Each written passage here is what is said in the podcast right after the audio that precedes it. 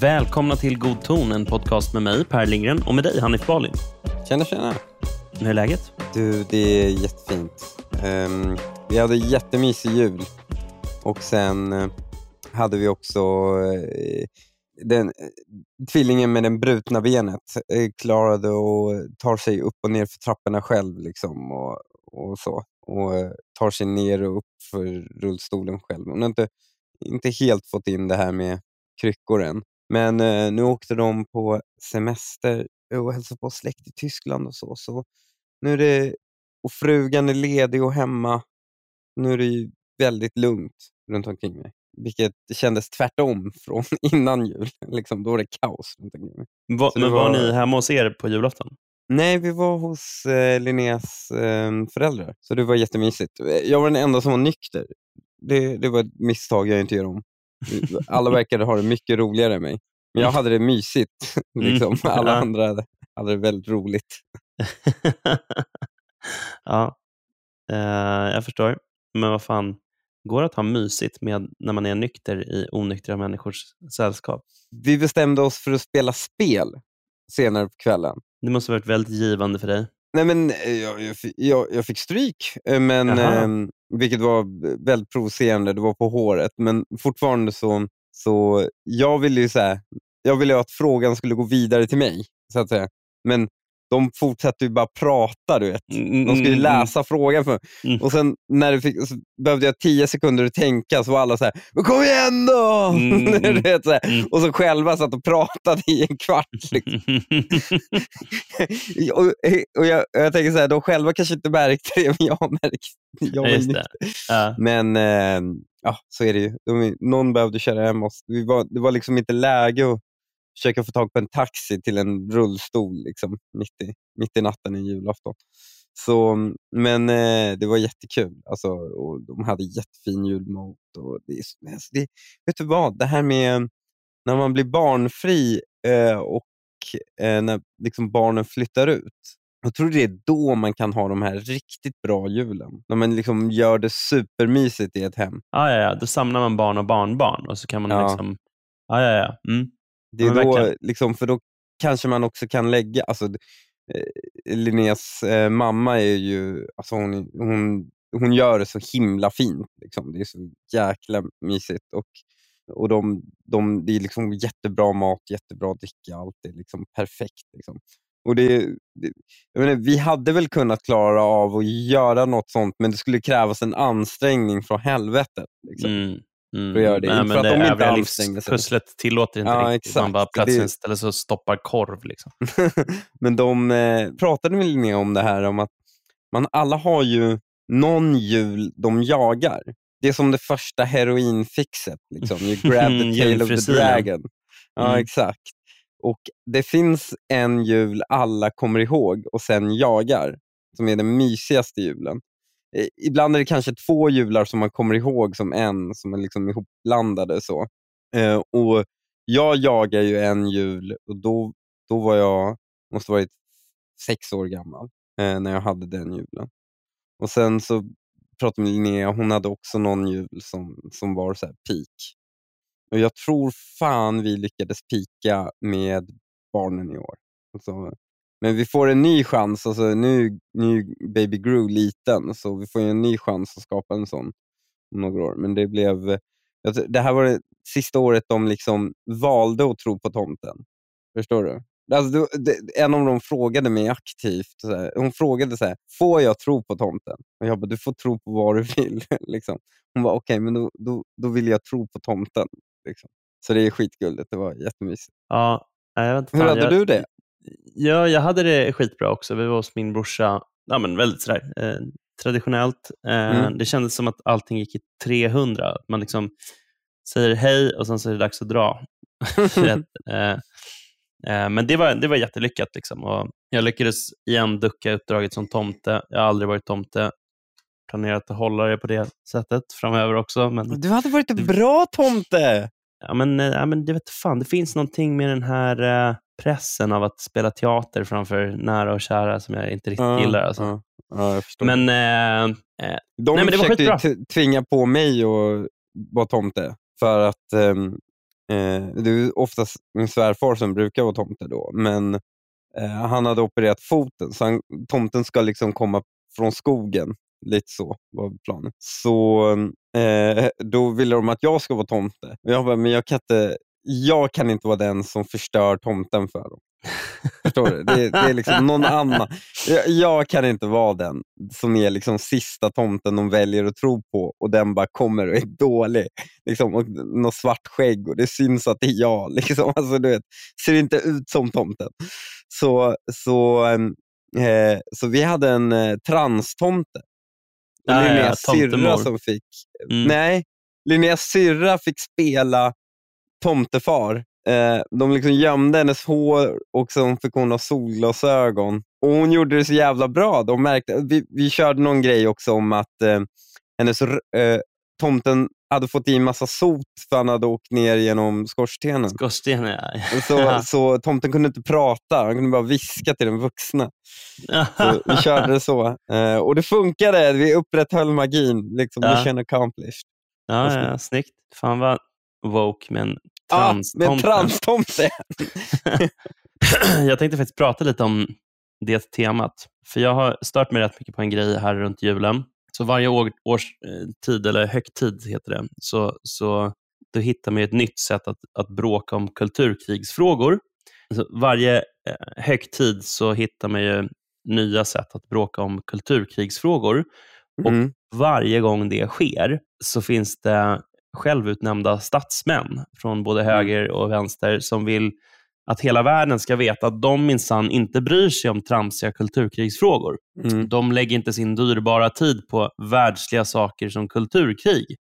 Mm. Och Varför de markerar avståndet till kulturkrigsfrågor är för att kulturkrigsfrågorna har fulats ut och bagatelliserats av vänstern under lång tid. Mm. Eh, jag kan bara ta ett jättekort exempel från Anders Lindberg, där han i en bisats definierar vad kulturkriget är för något. Men, men jag tänker ändå att den här grundläggande frågan om hur spelplanen ser ut Handlar spelplanen om kulturkrigsfrågor Alltså att Kalle Anka är omklippt och, och sådana saker ja, Då kommer Socialdemokraterna att förlora Mm. Att Kalle Anka är omklippt och sådana saker. Mm. Eh, och I år så har det då eh, blivit en debatt om att bland annat Stockholms stad och Malmö stad har skrivit God helg. Ja, och Migrationsverket va? Även Migrationsverket, precis. Mm. Och eh, så här, De skriver god helg och vi önskar fina helgdagar och liknande istället för att Mm. skriva god jul. Och Debatten har till form och innehåll varit smärtsamt förutsägbar. Hela diskussionen är, som precis alla andra kulturkrigsfrågor, en, en rewrite på något som redan har ägt rum i USA. Eller i Sverige. Ja, jo, jo. Vi hade ju, Men- var det inte KD som drog igång den här helgskinkedebatten för ett tag sedan? Då ICA hade skrivit helgskinka, tror jag det var, istället för julskinka. Och eh, Det var Ebba Busch som drog igång det där, förvisso den tiden Johan Ingerö jobbade för henne. Då, eh, hon bara, men varför heter det god helg? Det borde ju vara, eller helg, varför heter det helgskinka? Det är ju julskinka. Försöker de få bort julen? Liksom. Och det här är ju en sån här, och så precis som du säger, från USA, War on Christmas-diskussionen där. Ja, exakt. För det var, det var ju då eh, framförallt i USA, men inte bara. Och det, alltså för tio år sedan så kunde man då följa hela eh, The War on Christmas. Som, som då, alltså, det, eh, bland annat en Heather Long skrev en text i The Guardian 2013 med rubriken “The Brits have it right. Forget happy holidays. Just wish people merry Christmas”. Och Den inleds med meningen I'd rather be able to wish people in the US a Merry Christmas this, this week without having to worry if uh, they'll be offended. Uh, och samma år skrev Christopher Stewart Taylor en text på precis samma tema, fast rörande Kanada. If we can't say Merry Christmas in Canada, multiculturalism has failed. Två år senare, 2015, skrev Paul Jankowski en text i Forbes med rubriken Is saying Merry Christmas politically correct? Who cares? Okej, så det här är alltså ett importerat eh, liksom, krig, ett importerat, en, en importerad kulturkrigsdebatt. Men jag vågar påstå att det inte är det. Inte?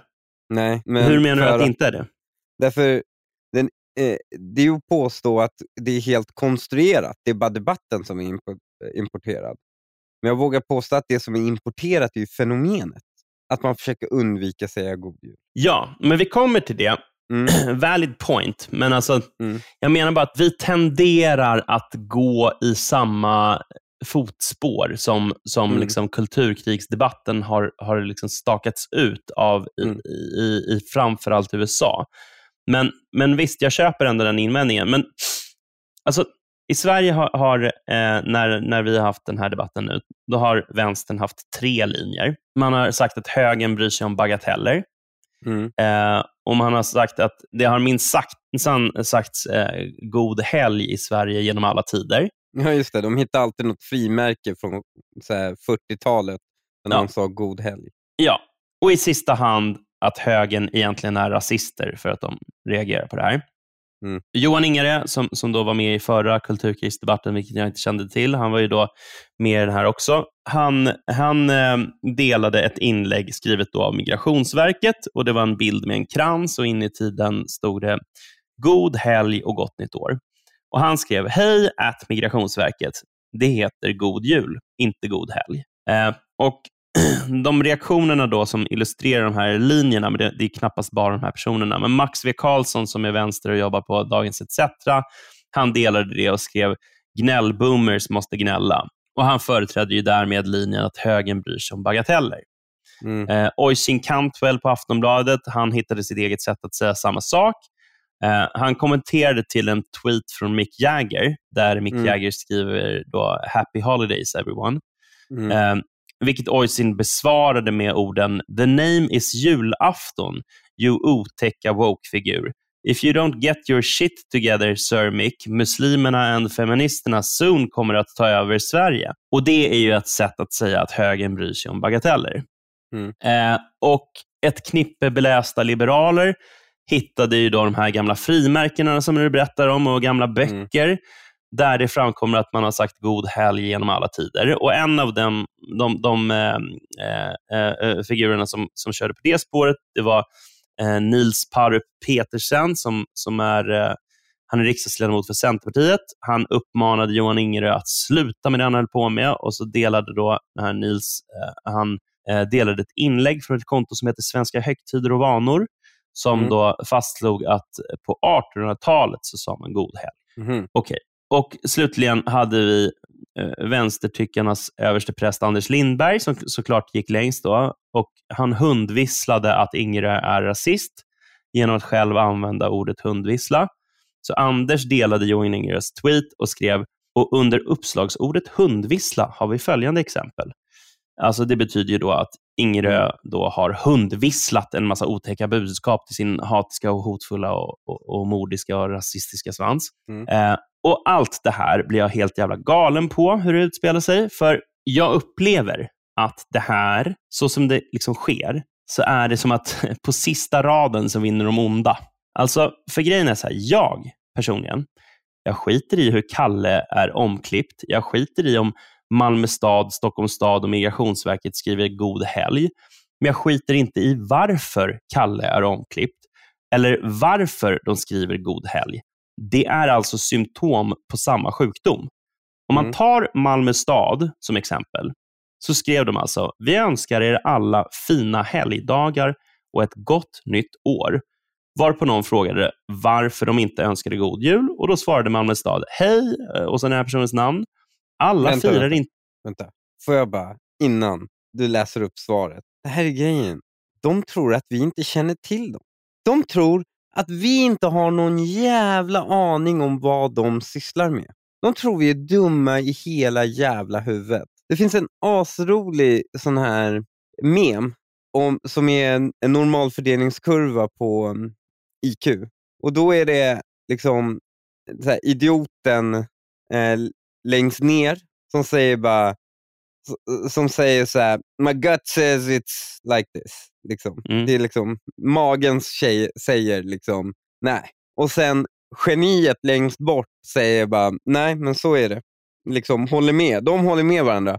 Medan de i mitten av kurvan, ett 100 IQ, de är så här, nej absolut inte. Liksom, vi, vi, vi har alltid sagt god helg. Förstår du? Det är liksom, den som går på sin, idioten som går på gut feeling kommer ha rätt. Och eh, geniet som liksom gräver i siffrorna, den har rätt. Men det är liksom den i mitten, den normalbegåvade, som, som, som tänker, försöker mm. tänka men klarar inte av det. Mm. Det är den Exakt. som har fel. Du, du, är helt on point.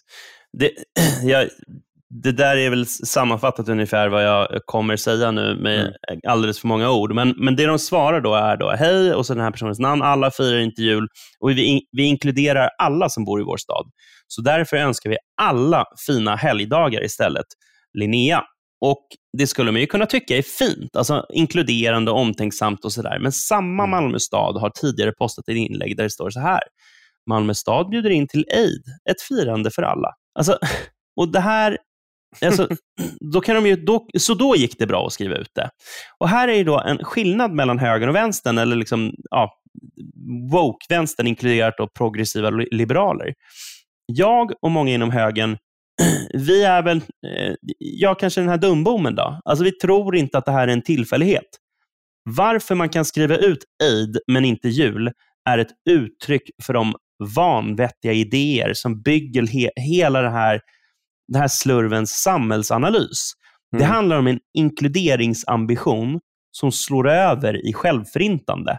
Ja. Alltså, och hade det stannat vid hur ett barnprogram ska klippas eller vid en julhälsning utan eh, ordet jul, då hade ingen människa brytt sig. Ingen hade brytt sig. Men det stannar inte där. De här idéerna är idéer som har förstört Sverige och stora delar av västvärlden.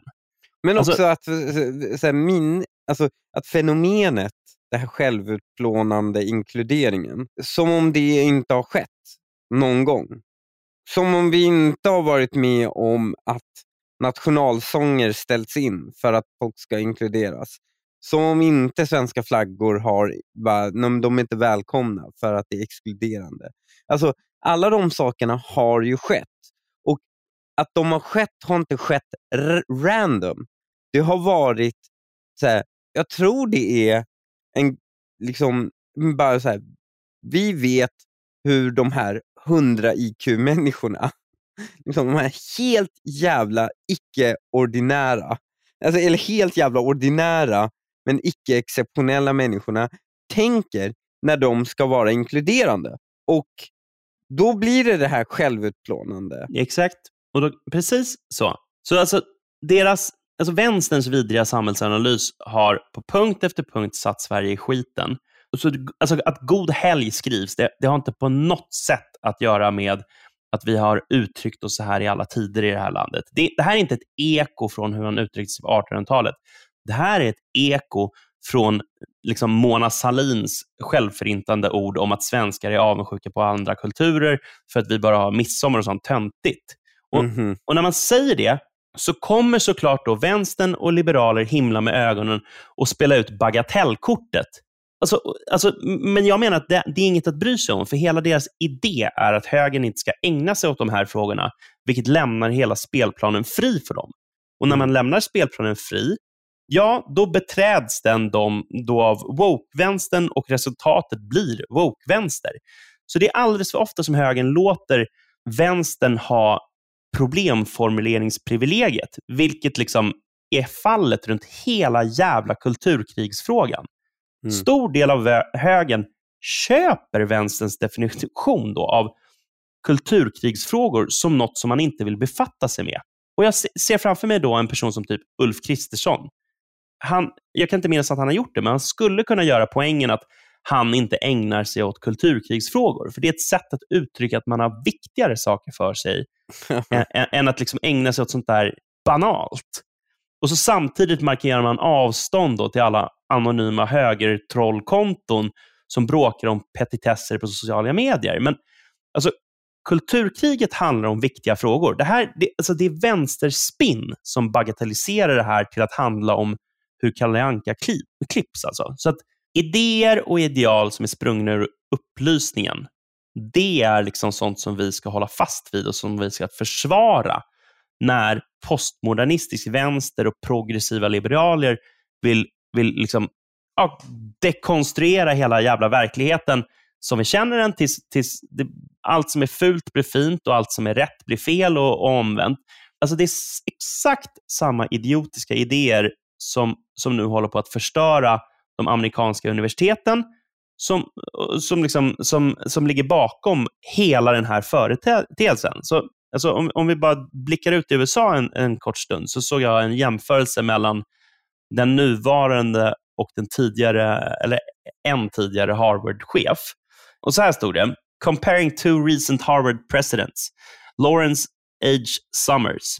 Over 150 scholars, scholarly papers, multiple books, World Bank chief, Treasury secretary, director of NEC, and more. Claudine Gay. 11 papers totally, eller total, mostly about race and gender. 40 plagiarism allegations, professor of uh, African American Studies, and not much else. Summer was forced out by the board after taking a, talking about women and men having uh, genetic differences.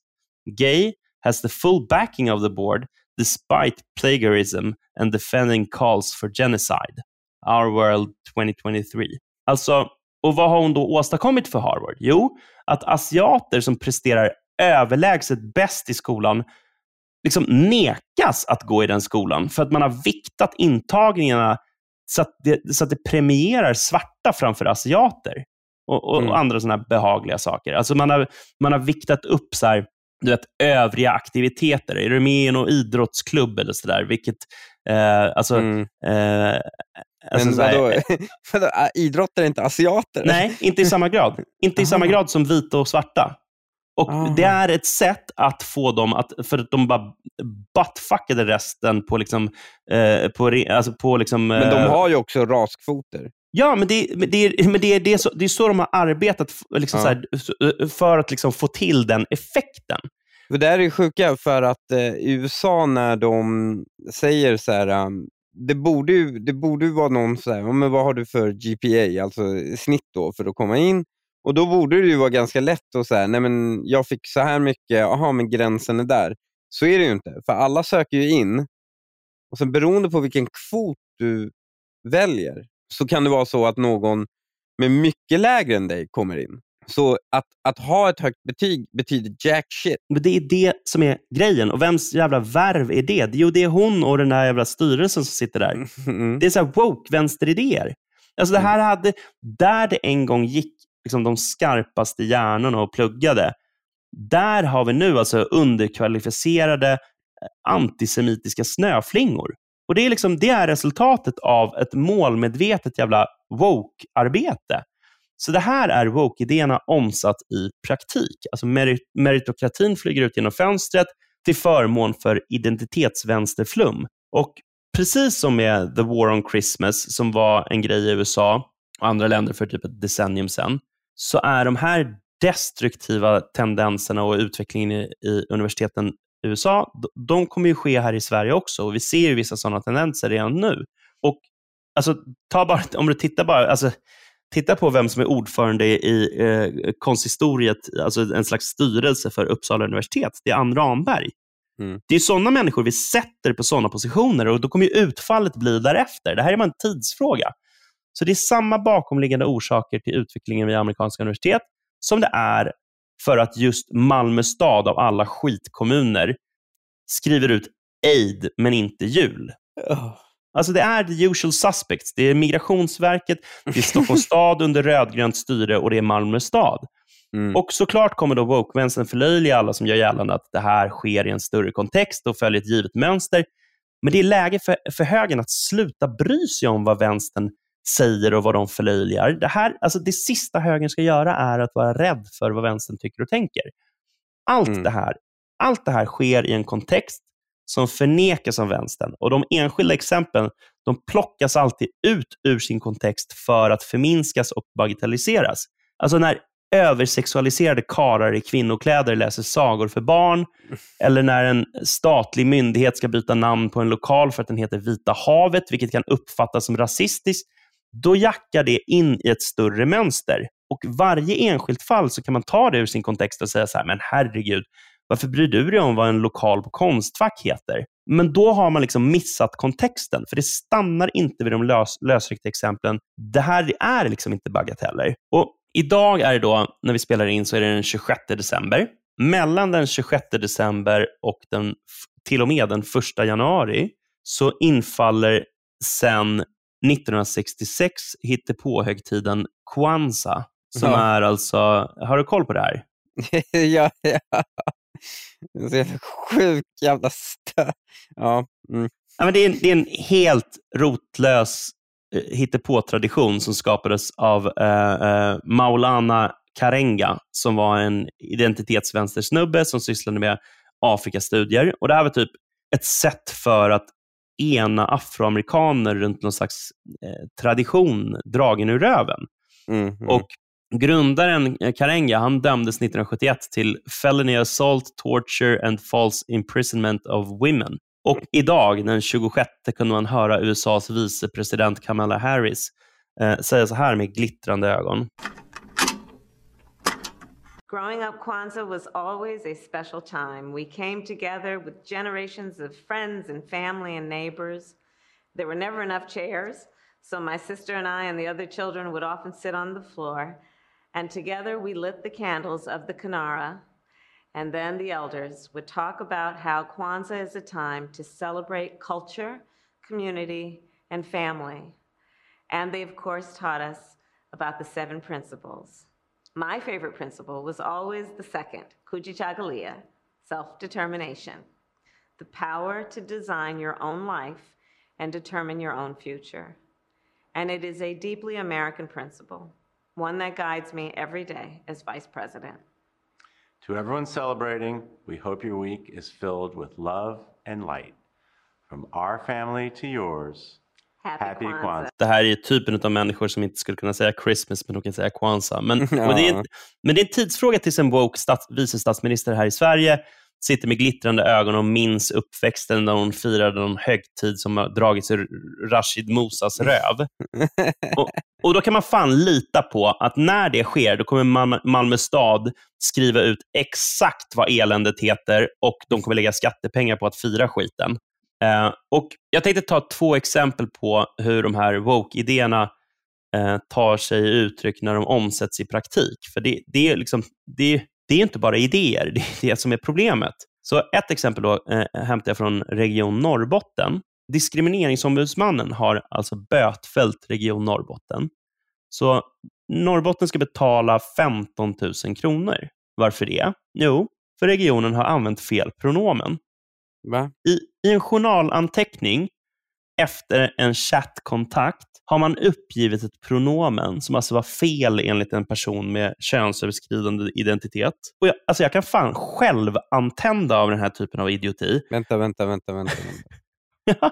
Har de använt fel pronomen i relation till människans juridiska kön?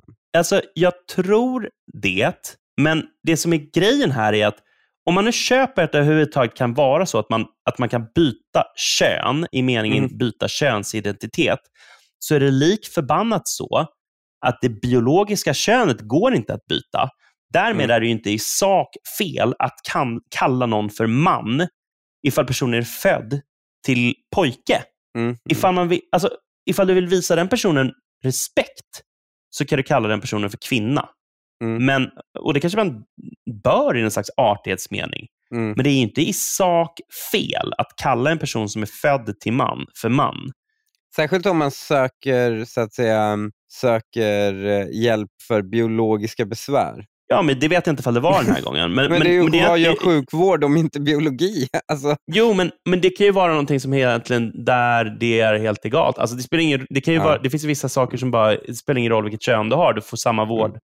Ändå. Ja. Men jag tycker att det mm. är, alltså nu så har man gått från att det är inte bara så här, ja, du, du får identifiera dig som vad du vill. Det är även så här, du har rätt att Alltså, folk bötfälls när, när när fel pronomen, så kallat fel pronomen anges. Mm. Och Det här är ett exempel på när de här woke-idéerna bara inte stannar vid idéer utan omsätts i faktisk praktik. Det här är liksom inte ett omklippt barnprogram. Är det motsvarigheten till att någon eh, hör av sig till en doktor? Alltså om vi behöver höra av sig, är homosexuell, hör av sig till en doktor och sen säger ehm, eh, min man, och den, eller så här, min partner eller någonting sånt, och någon som råkar skriva fru. Mm. Förstår du? Och en, en, eh, jag menar, en lesbisk ha- hade kanske blivit galen över det, att någon skrivit man istället för fru. Men jag tänker, här, de flesta bögar hade väl skitit fullständigt i det, som hade en felskrivning. Ja. Men alltså det är Men- klart att så här, men- sånt kan ju vara förelämpande om det är av så här, det- nej, intent. för att- liksom. Nej, för att deras homosexualitet, det här är ju den stora skillnaden. Homosexualitet kräver inte att andra människor bekräftar den för att den Nej. ska finnas. Förstår du? Det här är ju, det här är ju att, att lajva kvinna, för det är ju vad det är, det är väldigt avancerat live. Och alla vet ju, när du dyker upp på ett live, kan inte någon bara, om du dyker upp på en medeltidslive, när någon sitter och scrollar telefonen, the magic goes away. Ja, när någon Och- bara synar, bara, men hörru, bara kejsaren är naken. Vad fan, du håller ju bara i ett svärd gjort av silvertejp. ja, förstår du? Det, då blir det ju, och många av de här, i och med att de känner sig, alltså det är ju, de känner sig då som ett annat kön. Mm. Så det enda sättet för dem att känna sig som rätt kön då, blir ju att andra ska spela med. För många av dem. Vissa av dem ser ju ut som tjejer, så jag antar att många liksom eh, inte ens behöver spela med. Eh, utan de flesta ser det som en tjej. Liksom, för att de är så himla lika. Men de flesta ser ut som gubbar i klänning. Och, Ja, men, och, det- men allt det där är så här beside point. För det är så här, ja, ja, jag kan spela med av respekt för den människan som Ja. går igenom någonting som jag ja, inte förstår mig på, men jag kan bara föreställa mig att det kan vara rätt krävande liksom, och jobbigt. Mm. Så, så här, av någon slags medmänsklig omsorg men så kan jag absolut kalla en person som identifierar sig för kvinna för kvinna. Men om det är så att jag riskerar böter, då blir det fan plötsligt viktigt att kalla den personen för man. Ja, men här är ju, här är ju också det konstiga för att har de lyckats identifiera att personer med uppsåt skrivit fel? Förstår du? Eller är det bara, nej men det blev fel, det var en felstavning. Alltså, då är det en oskön jävel på regionen, men det ska ändå inte leda till att man får böter. Nej, såklart. Men det, jag tror de inte ens har fastlagt att någon...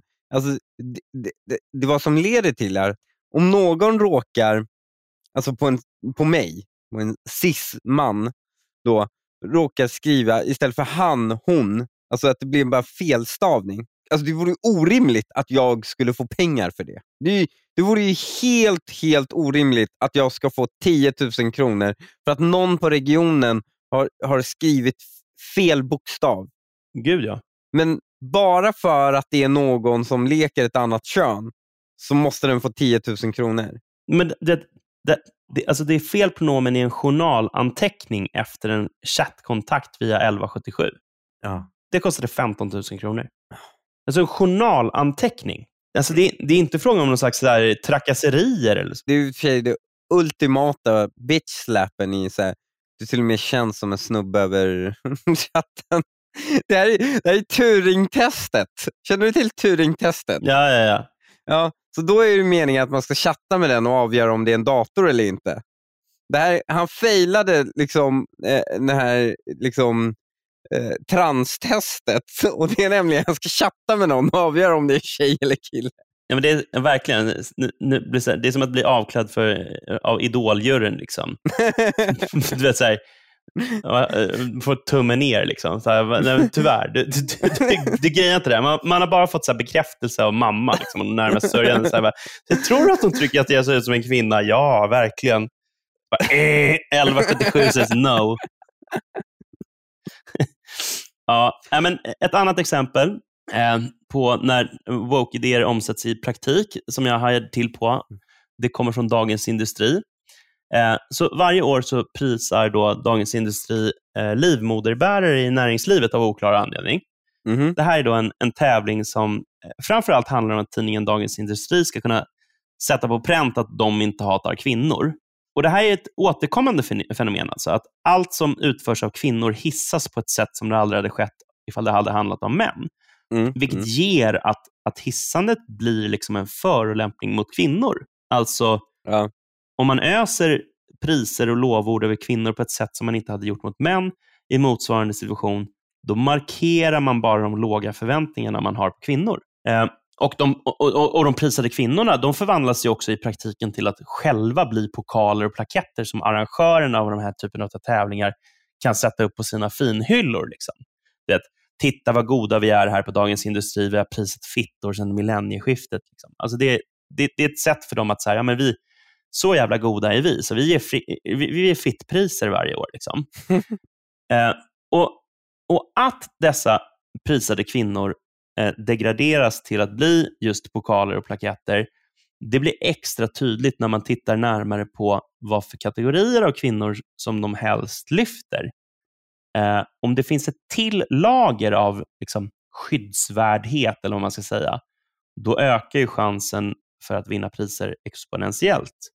Så är du funktionsvarierad, mörkhyad, icke-binär, utöver att du är kvinna, då är det bara att gå och rensa prisbordet. Och Jag har sagt det förut, men jag menar ju det med bestämdhet att hade den här podden gjorts av två kvinnor så hade vi vunnit priser vid det här laget och hade vi in, liksom varit mörkhyade, då hade vi intervjuats av allehanda tidningar. Men det görs inte, för vi är då män. Mm. Uh, jag säger inte det för att säga beho, beho, vad synd det är om oss, utan det är bara ett konstaterande om hur medieläget ser ut. Det är liksom så genomsyrat det är av de här bokidéerna. Mm. Och En annan skyddsvärd kategori som gärna prisas är ju muslimer. Så om Mm. du gärna då bockar av att du är både kvinna och muslim, ja, men då ligger du fan i vinnarhålet. Alltså. Eh, 2020 arrangerade Dagens Industri tävlingen Näringslivets mäktigaste kvinna. Och Vinnaren i kategorin entreprenör blev Ulla Parkinen. Ringer det en klocka när du hör hennes namn? Vet du vem det är? Ulla Parkinen. Mm. Det är väl eh, hon som eh, startade den här islamistskolan?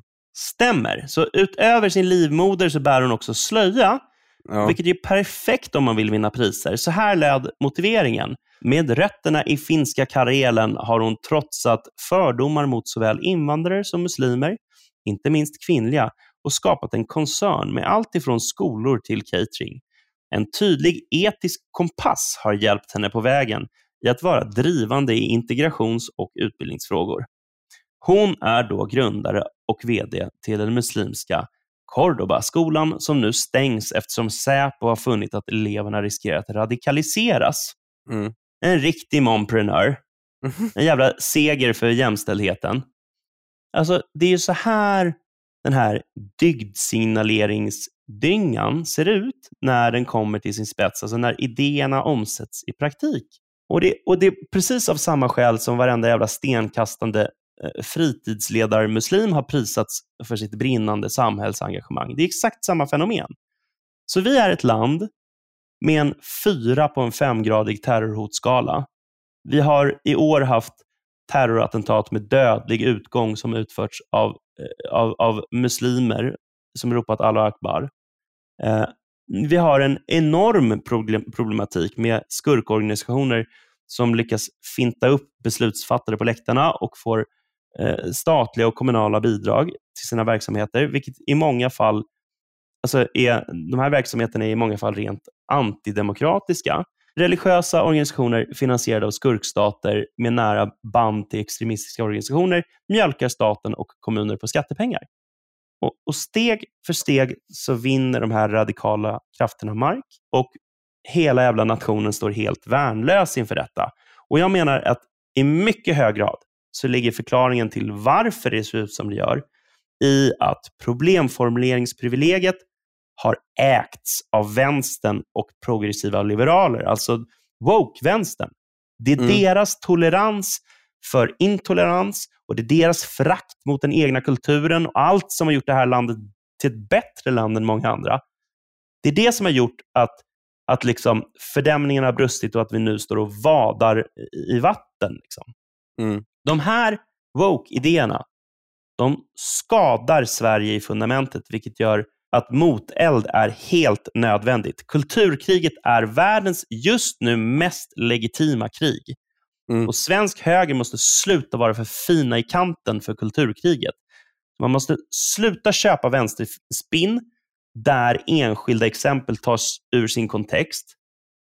Och vi kan inte låta problemformuleringsprivilegiet liksom ligga hos samma människor som liksom har en sån postmodernistisk syn på samhället att upp är ner och ner är upp och allt som är rätt, det är fel och fel är rätt. Alltså, det, det är de sista människorna som ska definiera vad som är problemet. Ibland så, så, så på sådana här partiledardebatter så kavlar Ulf Kristersson upp ärmarna i, i pausen. Mm. Mm. Och Det här är ett sätt att signalera att det är allvar. Men han är ju aldrig beredd att kavla upp ärmarna och ta kulturkriget på allvar. Det är han Nej. för fin för. Mm. Och Jag menar att Men det, det är, är hög tid att kulturkriget tas på allvar. Att man kavlar upp armarna och drar ut i krig. Så min förhoppning inför 2024 är att högen drar ut i krig. Men här är också, jag bara, jag bara det, det, här är, det här är så, det här med att han anses vara för fin. Alltså jag tyckte, du har ju haft ett långt utlägg nu om kulturkriget. Mm. Men hade egentligen kunnat stanna vid det klippet du drog med Anders Lindberg. Ja. Nämligen, kan du spela upp det igen? Ja, visst. Men, men jag tänker ändå att den här grundläggande frågan om hur spelplanen ser ut Handlar spelplanen om kulturkrigsfrågor Alltså att Kalle Anka är omklippt och, och sådana saker, ja, då kommer Socialdemokraterna att förlora. Där. Där! Helt, helt Där rätt. var svaret! Det är liksom, Socialdemokraterna kommer förlora på det. Och där har du motivet nog att bedriva det. Precis så. Det var inte allt för den här veckan. Vill du lyssna på hela avsnittet så går in på patreon.com godton och bli Patreon. För så lite som 10 kronor per avsnitt får du tillgång till hela avsnitt varje vecka istället för halva avsnitt. Du får även tillgång till vår hemliga Facebookgrupp som är med och styr vilka ämnen vi tar upp. Så gå in nu på patreon.com godton och bli Patreon idag. Annars var det allt för den här veckan. Hej då!